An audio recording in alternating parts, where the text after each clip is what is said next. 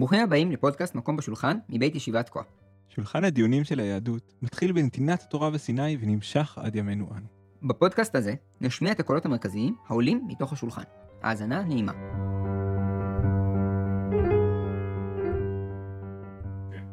עכשיו אנחנו נתחיל מההתחלה את כל הסבב הזה מחדש, רק כאילו אנחנו נוריד כאילו את המלבושים האשכנזים, נשים מלבושים ספרדים ונתחיל מההתחלה. פעם היה גמרא, עכשיו הרב יכול לדבר ו... טוב, אז באמת בתחום הזה אני מרגיש הרבה פחות אה, עם ביטחון עצמי בעולם הספרדי. אבל באופן בסיסי היה גמרא. בעצם הגמרא לא, לא, בשום שלב לא בא יהודי ואמר, זהו, עד כאן, כאן עוצרים, כן? היה גמרא, ומרכזי התורה בבבל המשיכו להתקיים עוד 500 שנה, בהנהגת הגאונים, כן? באותן ישיבות, זאת אומרת, ישיבת פומבדיתא המשיכה להתקיים עד, אה, עד אה, המאה התשיעית העשירית לספירה. פומפדיטה זה המקום שבו כתבו את הגמרא? אה, אה, כתבו... שבו התווכחו כאילו זה אחד המקומות, היו. ישיבות, היה ישיבת פומבדית, ישיבת סורה, היו כמה ישיבות. בסופו של דבר כולם אה, התכנסו לבגדד, שהפכה להיות העיר הכי חשובה בבבל, בעיראק של היום. אבל כמו שיש בישיבת פוינוביץ' בבני ברק, שזה בעצם שם של עיירה באירופה, אז היה ישיבת פומבדיתא ב- בבגדד, כן? אז זה... אז בעצם יש פה שתי ישיבות, פומפדיתא ומה השני? בסורה, בסורה. ויש עוד, אני לא רוצה? להיכנס לזה. הבנתי. יש ישיבות בבבל שמתקיימות עם, אה, בהנהגת הגאונים, אה, רבי סעדיה גאון, רבי נטרונאי גאון, רב שרירא גאון, כן? כל מיני שמות כאלה. ובשלב מסוים יהודים כרגיל מתחילים לנדוד, אני לא יודע מאיזה- סיבות, והם מגיעים לבגדד. והם מגיעים, לא, לא, אה. בתקופת הגאונים יושבים בבגדד, ומתחילים לנדוד לצפון אפריקה, ושם יושב לו עריף במרוקו, בפס, כן, רבי יצחק אלפסי מפס, והוא מחליט לכתוב ספר חדשני. מה הוא עושה? הוא לוקח גמרא, מנקה ממנה את כל האגדתא, את כל הדברים שהם לא רלוונטיים להלכה, וגם כותב הכרעות הלכתיות ודיונים הלכתיים, ולפעמים הוא לוקח סוגיה מפה וסוגיה משם, ו- ומחבר אותם, ו- ומנסה לבדוק מה יוצא לו להלכה מכל הסיפור הזה. זה הספר המעשי של הגמרא. זה אה, כאילו מה שאנשים חושבים זה מה שגמרא שצריך אמורה לעשות, להיות. זה מה שצריך כאילו- לעשות, כן, כן, כן, כן, נכון, נכון. זה מה שאנשים אנשים מדמיינים גמרא. וכאילו... אז לא. שיפתחו ריף, כן. הבנתי. כן. אז, אז זה הריף, וזה הופך להיות ספר מאוד דרמטי ומאוד חשוב, מאוד משפיע, בעיקר ביהדות ספרד, אבל גם, כמו שתיארתי קודם, הראש מגיב לספר הזה. הריף מצוטט מעט, אבל מצוטט ב, ב, בספרי התוספות כמה פעמים. ובעצם אה, הוא מייצר הלכה ספרדית. עכשיו, הוא לא מכיר רש"י, הוא בן זמנו של רש"י, הוא לא מכיר רש"י, הוא לא קורא את הגמרא דרך העיניים של רש"י. זאת אומרת, יש סוגיות שהוא מפרש אותן אחרת לחלוטין מרש"י. אתה קורא גמרא עם רש"י, אתה עובר לקרוא ריף, אתה אומר, מה זה? זה בכלל לא מה שכתוב בגמרא, ואז אתה מבין שהוא פשוט קרא את הגמרא אחרת, כן? וזה דבר מאוד משמעותי להבין. והרבה פעמים זה מאוד, זה מאוד נוח לחלק ככה את העולם. הגמרא האשכנזית והגמרא הספרדית, זאת אומרת, הפרשנות האשכנזית לגמרא והפרשנות הספרדית לגמרא, זה מאוד ניכר, כאילו, בתוך... אה, יש איזה אופי שאתה יכול להצביע עליו שהוא יותר אשכנזי או יותר ספרדי בפרשנות? אמ, זאת שאלה גדולה, יש לי אה, ידיד שכותב על זה דוקטורט. אה, אפשר... החידושים האחרונים במחקר. לא, אה, זה... לכן אני לא רוצה יותר מדי להגיד, אבל, אבל אתה יכול, נגיד, לדוגמה, לשאול את השאלה, בתוך הגמרא אנחנו יודעים שיש לנו את המאמרות ואת הסתמה. זאת אומרת, יש רבא אמר כך וכך, ויש את, ה, את הדיון המאוחר יותר על מה שרבא אמר, שזה לזה אנחנו קוראים הסתמה, זאת אומרת, בלי שמות, סתם, בלי שם אה, מיוחד שדן. אז הסתמה הזה, אה, זה נראה שיש הבחנה, שאצל הריף ואצל הרמב"ם, יש יותר הבחנה בין הסתמה לבין הגמרא, לעומת העולם מה זאת האשכנזי. אומרת הגמרא? הגמרא זה הכל. הגמרא כוללת בתוכה מימרות משוימות עם שמות, וסתמה, אה, אה, דיונים ללא שמות, כן? הדיונים ללא שמות הם פרשנות לדיונים עם שמות, למימרות עם השמות, כן? עכשיו, האם הם הפרשנות המוסמכת והיחידה לדיונים האלה? זה, אתה יודע, אם אני יכול לבוא עכשיו ולהגיד, אני מבין את רבא אחרת מאיך שהגמרא הבינה אותה. נגיד, כן. זה נראה שזה סוג של הבדל בין העולם ספרדי לעולם אשכנזי. שבעולם האשכנזי זה אפשר... מקבלים לחלוטין את הגמרא כולה עם הסתמה, ואי אפשר להתווכח עם הדבר הזה, בניגוד לעולם הספרדי, שיותר נוטה להבחין ברבדים השונים האלה שנמצאים בתוך הגמרא. שזה אולי בעצם קצת קשור למה שניסית להכווין מקודם, שכאילו האשכנזים קצת ראו את, קיבלו את הגמרא בתור ספר, וכאילו זה מה שיש ועם זה נעבוד, לעומת הספרדים שכזה מבחינתם זה הבית מדרש מתגלגל. יכול להיות, אה, זה פרשנות אפשרית, כן, בהחלט, פרשנות גם אפשר הגיונית. להגיד הפוך, כאילו. כן, כן, כאילו לכן- התוספות הם לגמרי, כן, כאילו חושבים בפועל, בפועל אני חושב. שאפשר להצביע על תופעה כזאת, אבל כפי- שאמרתי, זה דבר, אה, זה דבר דק ו- וצריך המון עבודה בשביל אה, אה, להגיד אותו ככה, בצורה ברורה והחלטית. אז כפי שאמרתי, את העולם הספרדי אני פחות מכיר, לכן אני אדלג בקלילות מהריף לרמב"ם. הרמב"ם נולד בספרד, וברח לא בגירוש ספרד, גירוש ספרד היה ב-1492, בסוף המאה ה-15, אבל משפחתו של הרמב"ם סבלו מפרעות בספרד, וברחו משם למרוקו. אה, הרמב"ם נדד, ובסופו של דבר התיישב במצרים. אה, נדד, הגיע לארץ ישראל, יש לו תיאור מאוד יפה אה, על הטיול שלו בארץ ישראל, והוא בסופו של דבר מגיע למצרים, ו... טיול שורשים. טיול שורשים. וכותב ספר מדהים, יוצא דופן בכל קנה מידה. הוא כותב כמה דברים, כן? אבל אני מדבר על משנה תורה, וזה ספר הלכה. אני לא חושב שזה הספר ההלכה הראשון. זאת אומרת, אמרנו, דיברנו על הריף, כן? ויש עוד ספרי הלכה, אבל נקודתיים יותר. כבר הגאונים כותבים ספרי, נגיד, הלכות שטרות, כן? אה, איך לכתוב שטרות. אז יש ספרי הלכה, זה נקרא מונוגרפיות הלכתיות, כאילו, ספר הלכה שדן ועוסק בנושא מסוים. הרמב"ם כותב ספר הלכה על כל היהדות, על כל ההלכה, גם ההלכה הרלוונטית שמתקיימת בימינו וגם ההלכה הלא רלוונטית שמתקיימת רק בזמן שיש בית מקדש. על הכל הוא כותב. בעצם יש לו סוג של יומרה לכתוב את כל התורה שבעל פה, לסכם את כל התורה שבעל פה. כן, גם, זה, במובן הזה זה גם שונה מספרים אחרים, ספרים אחרים לא מנסים לסכם, הם מנסים אולי להגיד לך מה לעשות, אולי הם להיות אה, ערימה של הערות, התוספות הם לא ספרים שהם, הרבה מהם הם לא ספרים עצמאיים, לא ספרים שנועדו כדי שתקרא אותם, שתתחיל לקרוא אותם כאילו בכיתה ב', כן. או בכיתה ה', נכון, נכון.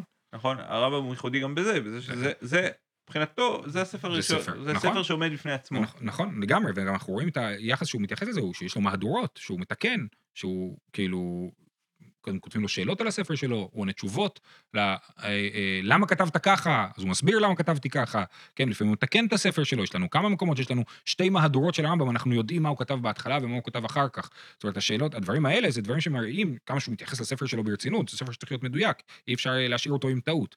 בניגוד לתוספות, שלא לא נראה שיעלו על דעתם לעשות דבר כזה, כאילו, מקסימום יהיה להם עוד קושייה ועוד תירוץ. זה לא, זה לא... רק, רק מפתח את הספר, בדיוק, לא מחליפים. בדיוק, כאילו. כן, לגמרי. אז, אז, אה, אז הרמב"ם הוא ספר אה, דרמטי, ואני חושב שהוא. זאת אומרת, עד שנכתב השולחן ערוך, לפחות במרחב הספרדי, שאני כולל במרחב הספרדי פחות או יותר את כל אה, אגן הים התיכון. זאת אומרת, ארץ ישראל, טורקיה, יוון, מצרים, כל המקומות האלה. כמו שאנחנו מתייחסים לשולחן ערוך, הם התייחסו לרמב"ם. אפשר לראות את זה בתשובות הלכתיות, שהם מתווכחים בשאלה מה הרמב"ם חשב, כן? זאת השאלה, כאילו שאכפת להם ממנה, מה הרמב"ם פסק במקרה מסוים.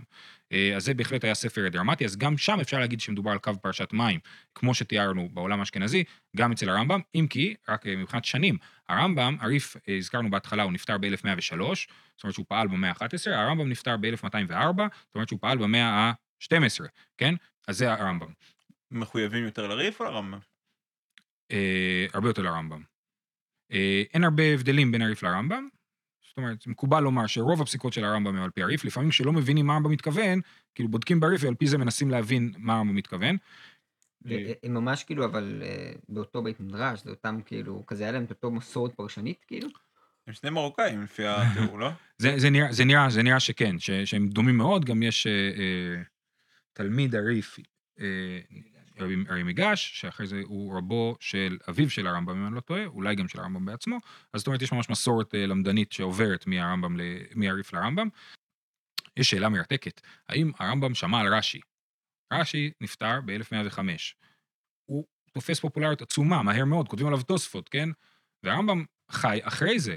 האם הוא מכיר את רש"י? שאלה גדולה, יש על זה כמה וכמה מאמרים, כן? אבל בסופו של דבר, התשובה היא שבשום מקום הוא לא מזכיר את רש"י באופן אה, פרטי. יש כמה מקומות שהוא אומר, שמעתי שמפרשים ככה וככה, וזה מתאים לפרשנות של רש"י, ואז מתווכחים האם הוא, אה, האם הוא בעצם מכיר את פרשנות של רש"י או לא, אבל אנחנו לא, לא יודעים שהרמב"ם, אה, אין שום עדות מוכחת שהרמב"ם הכיר את פירושיו של רש"י. בשביל זה, זה השאירו את השאלה הזאת כדי שיוכלו להקים ממנה אקדמיות ו- ו- לגמרי. ולדון בה ולהתווכח והמומחים באוניברסיטה. כן. עכשיו לענייננו בתור למדנים. לענייננו, כשאתה קורא גמרא עם רש"י, ואתה נתקל ברמב"ם, אתה לא מבין מה הוא רוצה, כמו אותה תופעה שתיארתי בריף. אתה לא מבין על מה, הוא- מה הוא עשה פה, כאילו. אז תשובה אחת זה תהיה, הוא קרא את הגמרא אחרת. שהוא גם תשובה- לא- הוא גם ספר לא צמוד, זה הרבה יותר קשה, כאילו, נכון. אם הריף הוא עוד ספר צמוד, אז הרמב"ם הוא יכול להיות שיתייחס לגמרא הזאת, יכול להיות שיתייחס לגמרא אחרת. נכון, תמיד צריך למצוא על מה הרמב"ם דיבר, לא התייחסנו לוויכוח אם זה בסדר לכתוב ספר כזה או לא, זה לא מעניין אותנו כרגע. כן, אה, שזה, שזה אני, אני, אני מעיר, לפחות זה מה שאני מכיר, שכשהרמב"ם כותב את הספר שלו זה לא, זה לא עובר חלק. הרעיון נכון, שאפשר נכון, לכתוב ספר נכון. לג- לגמרי, כן. אה, ודבר נוסף, שהרמב"ם נטען לפחות שחלק מהמקורות שלו לפסיקת הלכה הם לא רק התלמוד הבבלי, אלא הירושלמי, יש תחומים שהוא כותב עליהם שאין עליהם תלמוד בבלי מפותח, בעיקר בסדר זרעים, אה, אה, ויש לו מקורות נוספים, ירושלמי, תוספתא, מדרשי הלכה, כל מיני אה, ספרים נוספים. יש את הסיפור על ירושלמי קודג'ים, האם היה קיים ירושלמי קודג'ים? השאלה נובעת מזה שהרמב"ם מציין שיש ירושלמי על קודג'ים, כן? ומה הבעיה עם זה? שלנו אין ירושלמי על קודשים. לא קיים, אין, אין לך, לך לספרייה, למדף של ירושלמי, ולא תמצא ירושלמי על, על, על, על סדר קודשים. אלא אם תפתח את, אה, אלא אם תלך למאה ה-19, ששם היה יהודי שזייף ירושלמי על סדר קודשים, ואז הוא אמר, הנה, יש ירושלמי על סדר קודשים. אבל למה הוא חשב בכלל על הרעיון הזה? כי ברמב"ם כתוב שיש, כן? אז יכול, מה שאני מנסה לספר פה, זה שיכול להיות שהרמב"ם משתמש במקורות שאין לנו בכלל. זה בכלל מגניב, זאת אומרת, הוא יכול להגיד לך מה שאתה רוצה ואתה צריך להאמין, כי אין לך מושג כאילו על מה מתבסס. או להגיד לא, כיוון שאני לא מכיר את המקורות, אז זה לא... אני מתווכח עם זה, כאילו, כן?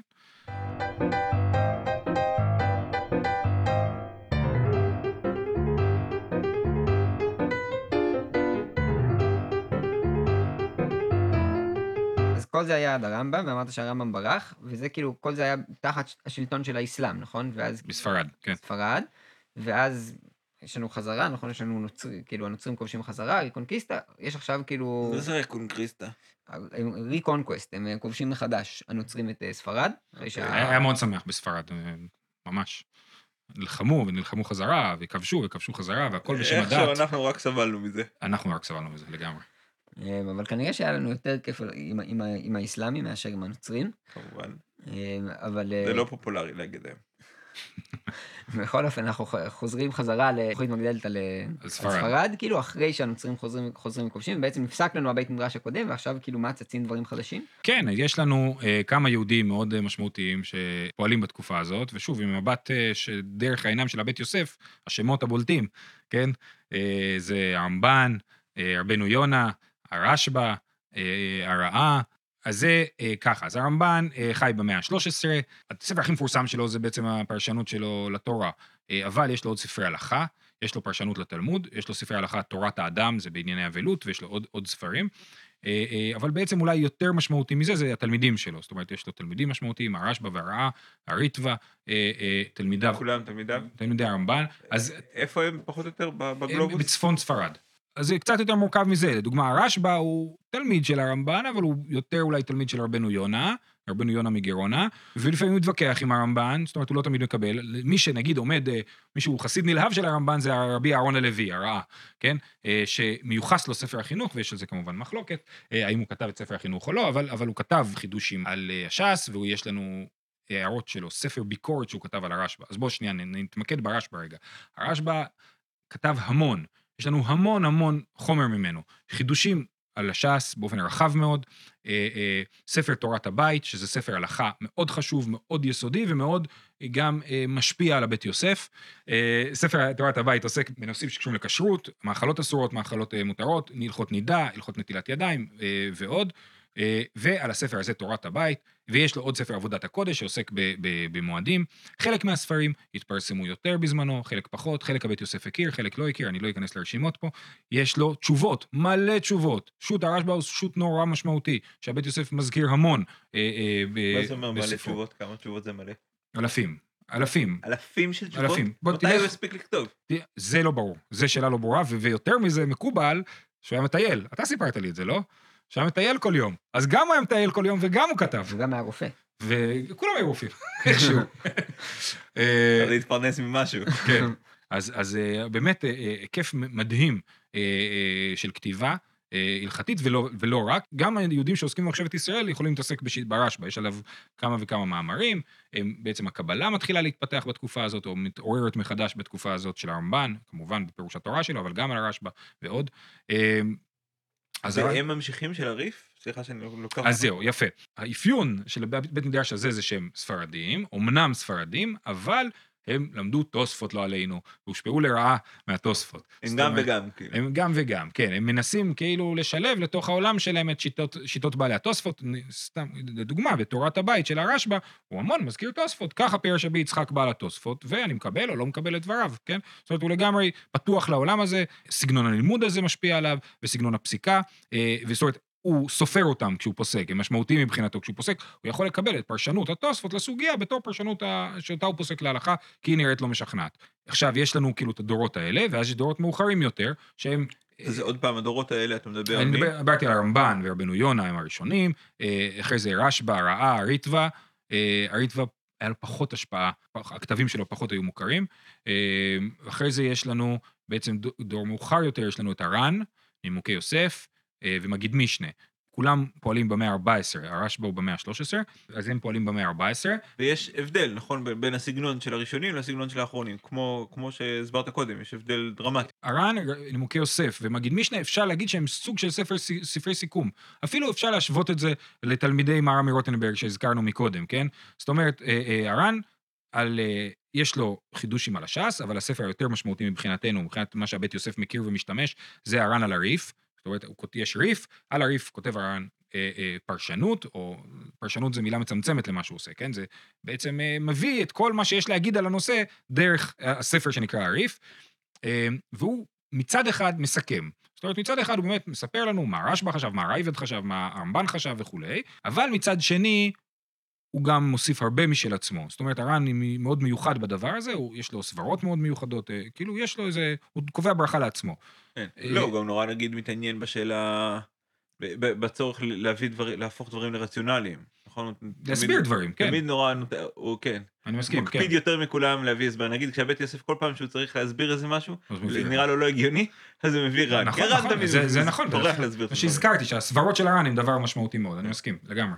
והנימוקי יוסף הוא תלמיד הר"ן, שבעצם אה, הוא כתב, זה לא בדיוק ברור, אבל לפחות מבחינתנו, על הריף, איפה שאין ר"ן, יש נימוקי יוסף, הוא השלים את העבודה. השלים את העבודה, ואו אה, במסכת ברכות יש את תלמידי רבנו יונה, זה נקרא, אני לא יודע מי בדיוק כתב את זה, אבל מישהו שקורא לעצמו תלמיד רבנו יונה, אה, אותו רבנו יונה שהזכרנו. אה, בכל אופן, אז יש לנו כאילו, על כל המסכתות שיש ריף, יש עליו איזשהו סוג של פרשנות, בין ר"ן ובין נימוקי יוסף, והמגיד משנה, שהוא פחות או יותר בין אותו דור, שמו הפרטי היה וידל, רבי וידל, והוא כותב על הרמב"ם, מגיד משנה, אני חושב שזה הספר הראשון שמתעסק ברמב"ם ומלווה אותו כספר פרשנות. הרמב"ם, כפי שציינו, כתב בלי מקורות, המגיד משנה מוצא מקורות לדבריו, בכל מקום, מה, מאיפה הרמב"ם הגיע למסקנה הזאת, הוא מביא את, ה, את המקורות להלכה, ומוסיף את שיטות אותם ראשונים ספרדים, הרשב"א, הרמב"ן, אה, אה, וכאילו הרמב"ם כתב ככה, אבל שתדע שהר"ן כתב, הר- סליחה, לא הר"ן, אה, הרמב"ן כתב אחרת, כן? אה, אה, אה, והערות מסוג זה. ובעצם זה פחות או יותר מסכם לנו את אה, תקופת אה, אה, ראשוני ספרד. זה זה מקביל מבחינת הזמן גם אני חושב שזה מקביל פחות או יותר לדבר השחור. זאת אומרת, זה במאה ה-14, סוף המאה ה-14. זה מקביל ממש לתקופה שבה האשכנזים עושים את הסיכומים שלהם. אה, לא, לא, לא, לא. התלמידי המהר"ם הם מוקדמים יותר. תלמידי המהר"ם, זאת אומרת, הראש, הראש הוא בן זמנו של הרשב"א. הסיכום בספרד הוא כאילו מאוחר יותר לסיכום האשכנזי שהזכרנו מקודם. אני אגיד לך ממקביל, הטור, הטור, שמה הטור עושה? הטור אמרנו זה רבי יעקב בן אשר, הבן של הראש, והוא אה, אה, אה, בעצם לוקח את כל פסקי הראש והופך אותם לספר שאפשר לקרוא אותו ברצף. כי פסקי הראש הם על הגמרא, אז הוא לוקח אותם כספר שאפשר לייצר, הוא מייצר מזה ספר עצמאי, כן? אז הטור מקביל לר"ן פחות או יותר, הוא קצת מוקד- מוקדם לר"ן אפילו, כן? אה, אנשים מופתעים מזה לפעמים. אה, אבל הטור אה, לא בכדי לא מזכיר את הר"ן, הוא פשוט היה לפניו. אתה גם יכול להתייחס אליו כסוג של מפעל סיכום אשכנזי, כי בסופו של דבר הוא מסכם את אבא שלו, שאבא שלו מסכם את בעלי התוספות, כן? אבל מצד שני, הטור כבר חי בספרד, ומגיב המון לרמב"ם, המון לרשב"א, כן? אז הוא באמת מאחד אה, אולי אה, את העולם הזה. הוא כבר מאחד כמה עולמות, זה כבר כאילו, לחשוב לגמרי. עליו זה כבר... אה, לגמרי, הוא, הוא צומת חשובה, ואפשר להגיע עכשיו לבית יוסף. למה בית יוסף כתב על הטור? הרי בית יוסף כתב במקביל את הספר כסף משנה על הרמב"ם. למה הבית יוסף הפך להיות ספר משמעותי יותר מכסף משנה, כן? וכנראה בגלל, א', כנראה שהטור היה ספר נורא פופולרי, עוד לפני שהבית יוסף כתב עליו, ספר פופולרי וחשוב, כנראה לא רק בתפוצה האשכנזית, אלא אני מדבר על, כן, הטור, ארבעת הטורים, אה, אה, ספר היה פופולרי גם באשכנז וגם כנראה לא בכל ספרד, אבל בחלקים ממנה, בעולם הספרדי. אה, ובית יוסף רואה שזה ספר נורא פופולרי מצד אחד, מצד שני, זה ספר שבאמת מאגד הרבה יותר מאשר הרמב"ם, רוחב היריעה שלו הוא רחב יותר, ובוחר לכתוב עליו את הספר היותר משמעותי, ומזה מתפתח הבית יוסף והשולחן ערוך.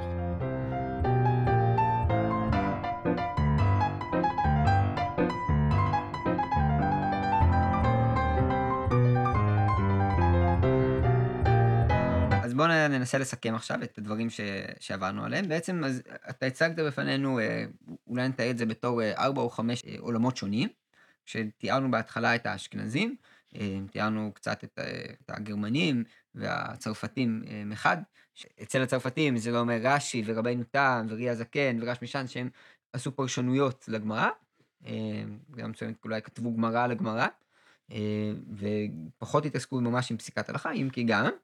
וכנגדם תיארת את הראשונים האשכנזים בגרמניה, שזה יותר רעביה, ראב"ן, שדיברו, שיותר כתבו ספרי הלכה ופחות ספרי פרשנות, וגם שכתבו ספרים בעצמם, אלה היו כאילו הקבוצה הראשונה.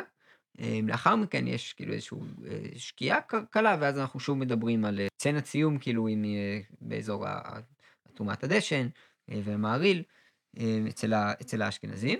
בצד הספרדי אתה תיארת את, את השלב המוקדם, שדיברנו עליו תחת השלטון האסלאמי, אה, שזה האריף והרמב"ם, אה, תור הזהב בספרד, אה, שכזה ממשיכים כזה מסורות ישירות מהגמרא, ובתקופה המאוחדת אצל הספרדים תחת השלטון הנוצרי, אתה תיארת כאילו את הרמב"ן ואת הרשב"א והר"ן, שהם קצת עושים איזושהי אינטגרציה בין, בין העולמות השונים, כאילו כבר מכירים יותר תוספות, ומכירים יותר, ומכירים גם, גם את הרמב"ם, ובעצם מפתחים כאילו הלאה את, את אה, שיטות הלימוד. טוב, אז, אז אני חושב שיותר, אה, חשבנו אולי לדבר על אנשים, יצא לנו קצת פחות על אנשים, וקצת יותר על, על הספרים החשובים שנכתבו, אה, שזה גם נראה לי נורא חשוב לדבר על הספרים החשובים שנכתבו, גם בלי ממש אולי לאפיין את הדמויות, ולאפיין את הבית מדרש. אה, אבל זה נראה לי אחלה, באמת אחלה בסיס אה, לכל מי ש... לי לפחות, שאני קורא את הספרים ו... ואני קורא את האנשים, זה לפחות אה, נותן לי איזושהי הבנה של מה היחס בין כל האנשים. מה, מה, אנחנו נמשיך עוד פעם? אנחנו ננסה... נשמח מאוד, היה לי תענוג. אז על מה, מה אני רוצה לדבר? אמ, שאלה טובה. אמ, על מה שתרצו, אפשר לדבר על השולחן ערוך והרימה בעצמם. אפשר. לדבר על מה שקורה אחרי זה, אה, על אה, ספרות הנושאי כלים לשולחן ערוך, שזה ספרות אשכנזית בעיקר. אחלה, אז אנחנו נשאיר את זה כהפתעה לפעם הבאה. ביי. תודה שהאזנתם. תודה לדוד מנוביץ' על העריכה, ולישיבת כה על הבית החם.